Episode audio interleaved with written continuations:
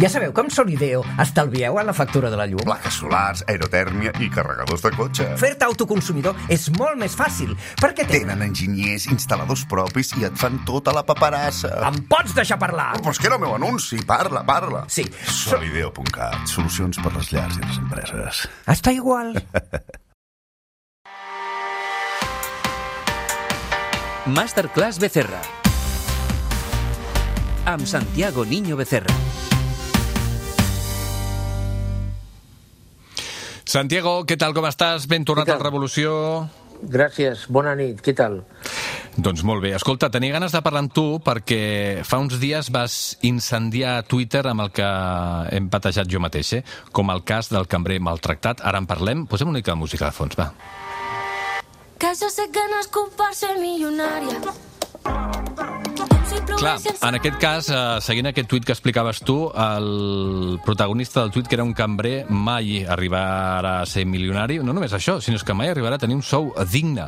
Explica'ns una mica el cas que, que explicaves a través de Twitter. Bueno, el, el, el tema aquest m'ho va explicar el seu pare. El seu pare és una persona, vull dir que jo conec, és una, una persona eh, bueno, amb seny eh, i, bueno, i no, no tinc cap motiu per dubtar del que em diu és, és, és cert. No? Uh -huh. el, eh, és un fill que té 18 anys, mm, és un fill que mm, bueno, mm, eh, va començar a, en un restaurant eh, de- d'Espanya eh, a fer de cambrer, no tenia massa experiència, ja havia estat en un altre puesto, però bueno, va, va començar eh, i li van fer un contracte, un contracte todo legal, eh, de 30 hores setmanals i un salari de 1.060 euros eh, per aquestes 30 hores. Va. I les hores que fes de més se'ls hi pagarien com hores extra. Vale, fins aquí el... sembla correcta la cosa, no? Sí, és correcte, és, és correcte. Bueno, la realitat és que la primera setmana va treballar al voltant de 50 hores. Espera, La segona i no setmana- diguis. Sí. I les 20 hores de més no li van pagar com hores No, no, però és que li pagaven al mes, mensualment. No? Clar, el noi va dir, bueno, això ja m'ho trobaré al Clar, final, ja m'ho trobaré quan acabi el mes. I la no? segona setmana quantes hores? Pues més o menys 55. Uau. Eh, és a dir, totes les setmanes, mm, entre 50 i 60 totes les setmanes. Mhm. Arriba al final de mes, si li paguen pues, el que havien dit, 1.060 euros. Llavors el noi aquest va al, al propietari del restaurant i li diu es, eh, escolti, però mm, nosaltres vam parlar d'una altra cosa. Eh, el contracte posa una altra cosa. Resposta del eh, propietari del restaurant. Si no te gusta, ya sabes dónde está la puerta. Ja està. I es queda tan ample i, clar... Bueno, mm, el noi aquest no tenia res més, bueno, es va quedar eh, i un mes després diu, bueno, mm, li va dir, escolti'm una cosa, jo me'n vaig perquè, clar, és que, és que això no... Diu, no, espera, no te'n vagis perquè et necessito. Eh, perquè, clar, el, el noi aquest havia, havia vist de que mm, en aquest període de temps, aquest, en aquests dos mesos, mm. havien marxat dos cambrers. Mm -hmm. Dos cambrers de més experiència. És un, és un restaurant molt gran, eh, que té molts cambrers. Mm -hmm. Llavors havia entrat mm, eh, nois, eren tot nois, eh, sense experiència. Mm -hmm. eh, o amb molt poca experiència. Llavors, ell, quan ja portava dos mesos, va dir, bueno, jo pues, me'n vaig. Llavors va dir, no, no, no te'n vagis, no te'n vagis. I, i, I llavors li van fer un altre contracte de 40 hores, mm. 1.340 euros i el mateix. Les hores extres, les hores extres te les pagamos. Bueno, la realitat ara quina és? La realitat és que, és que sí que li paguen 1.340 euros per ara estar treballant quasi bé 60 hores a la setmana. Llavors el noi aquest que ha dit, bueno, jo ara ja estic buscant per anar-me, per anar-me a un altre puesto. Mhm. Llavors, qui- quina, quina és la, la moraleja de tot això? Mm, és a dir, la, la, la... Ah, perdó, perdó, molt important. Jo, jo li vaig preguntar al pare, però escolti, el, segons el seu fill, el propietari aquest- d'aquest restaurant podria pagar més? O, o bé mm, no paga perquè vol guanyar més i se se'n van mm, mm, contractar amb un altre. Diu, lo, lo segon, podria pagar més però bueno, com, com tampoc és un restaurant de tres estrelles Michelin, pues, si no tenen molta experiència, pues, mira, pues, mm, pues és igual. És a dir, que el problema de l'hostaleria jo crec que és doble. Uh, en, pri, en primer lloc, no s'estan complint els contractes. Jo el que no entenc és com la inspecció fiscal, la inspecció mm, eh, laboral, perdó, no, no posa mà eh, amb aquest tema, mm. i en segon lloc que s'està pagant, pagant poc. Un, un drama, sí, jo també he llegit algun tuit sobre això, de, bueno, i sempre la resposta és, escolta, aquesta si t'agrada, bé, i si no, sí. busca't una altra feina, perquè aquí hi ha cua de gent esperant per treballar, no? I amb això estem sempre donant voltes, no? Però, per altra banda, també i la mateixa hostaleria diu que mm, falta personal d'hostaleria. Sí, sí. És, que és, és, és, el que, és, és una cosa que és curiosa, no? És, Bueno, falta, sempre diuen que els falta personal qualificat, i com amb aquests uh, sí. sous i, i amb aquests enganys, ni qualificat ni no qualificat. Al final, uh, la gent buscarà altres feines, no? perquè sí que és veritat que moltes uh, feines d'hostaleria entres a les 9 del matí i surts a les 11 de la nit, i si no t'agrada una altra cosa, no? Ho dic bueno, perquè és que hi hem sí, treballat, sí, però, eh? Però ja et dic, ara, diu que ara està treballant 60 hores, al voltant de 60 hores. 60 hores és molt, eh? No, no, sí, sí, i tant, sí, sí, és, és moltíssim.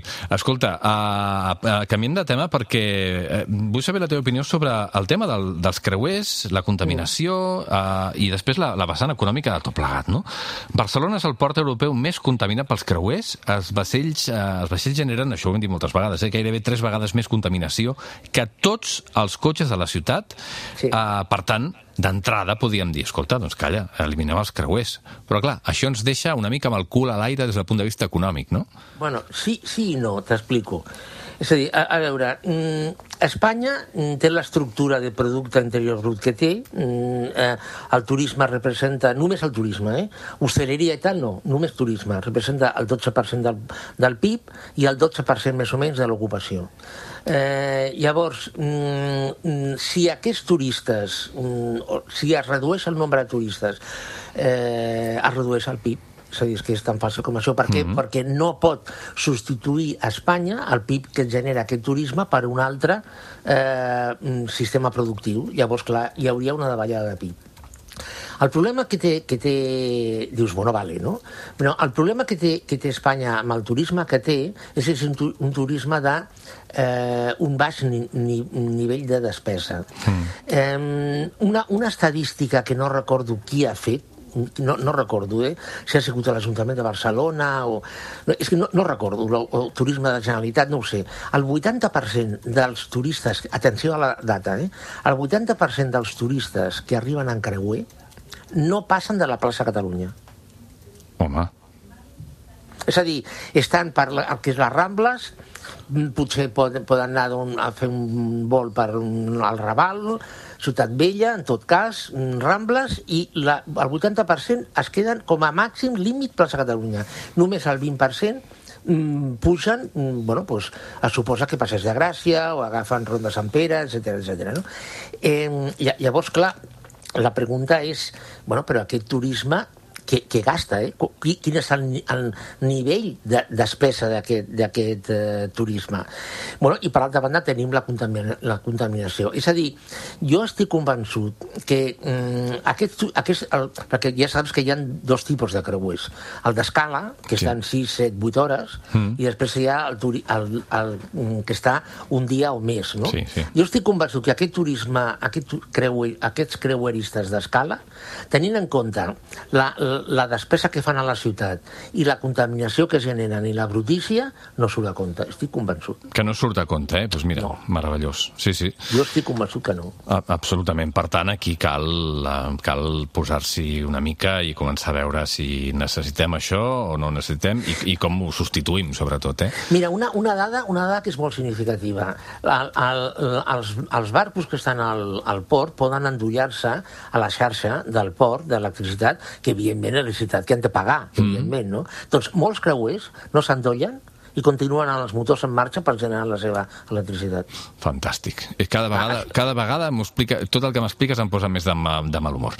Uh, va, més coses. Uh, deute públic disparat. Uh, parlant del PIB, una dada uh, s'ha disparat i durant el primer trimestre de 2023 és, atenció, del 113% del PIB. Uh, Sí, però, a veure, el, mm, primer, primer que estic convençut que moltes persones que s'estan sentint, mm, això dir del 113%... Ara t'ho anava a preguntar, digue'm, explica'm això, explica'm sí, això. això mm, què, què vol dir? No? Bueno, pues és la suma, la suma de la deuta que, té les, que tenen les administracions públiques a Espanya eh, supera en 13 punts la totalitat del PIB, no? Mm. Bueno, llavors, a quan puja?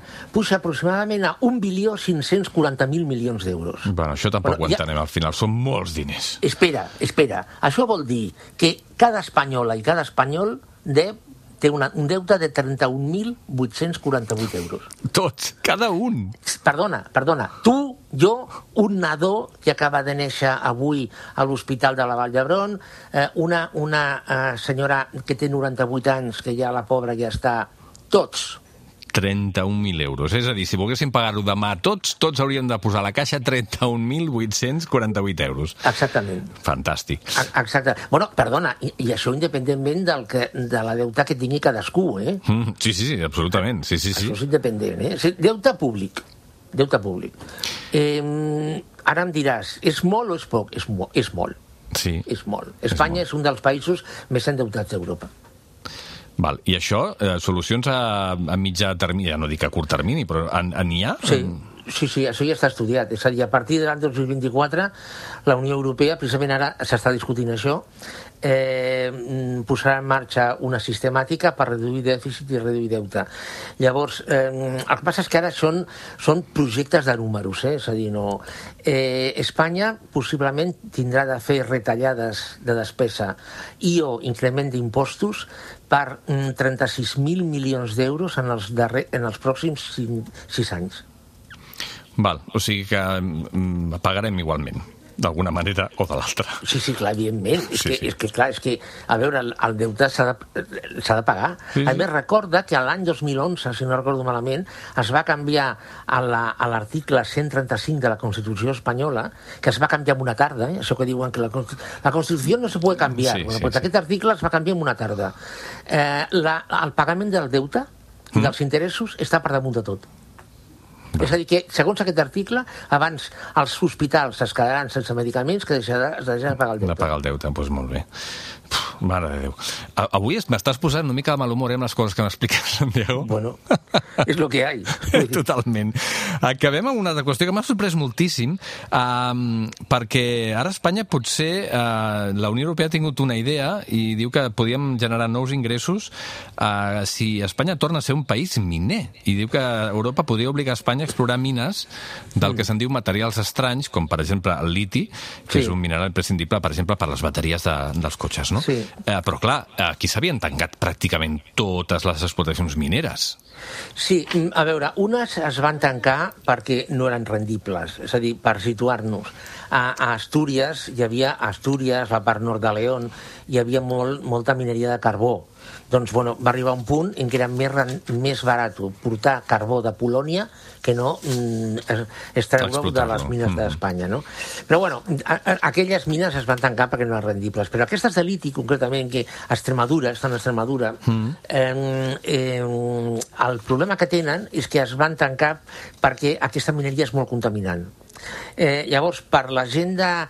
No, no, no em preguntis l'any perquè no recordo l'any, eh? Es va fer una agenda, una agenda medioambiental europea eh, i eh, bueno, aquestes mines de, de liti d'Extremadura ja ni es van... No sé si van començar a explotar, però, bueno, evidentment va ser res, perquè mm, es van aturar o no es van posar en marxa. Bueno, què és el que passa? Aquestes mines d'Extremadura són importants. Precisament no, no fa molt vaig estar a Badajoz i era, bueno, tothom parlava d'aquestes mines, no? De, de si es posarien en marxa o no, tal, no? Eh, clar, mm, ara, mm, bàsicament hi ha dos països que mm, són mm, importantíssims proveïdors de liti, que són Xina i Bolívia. Mm.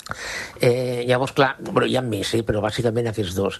Llavors, mm, com, com es vol tallar eh, o reduir almenys la, els tractes amb Xina, Mm-hmm. eh, pues, mm, li, li han dit a Espanya que comenci a pensar en posar en marxa aquesta mina de liti. Clar, i ara em preguntaràs automàticament, però no es va tancar perquè es va dir que la gent, l'agència medioambiental, sí, Mm-hmm. però les circumstàncies han canviat. Coi. Clar. Sempre, sempre va igual, madame, sempre Ara, va igual. ara t'ho anava a dir. És que al final eh, les circumstàncies van canviant, el problema mediambiental es va incrementant i al final ni circumstàncies ni res, no tindrem ni oxigen per respirar.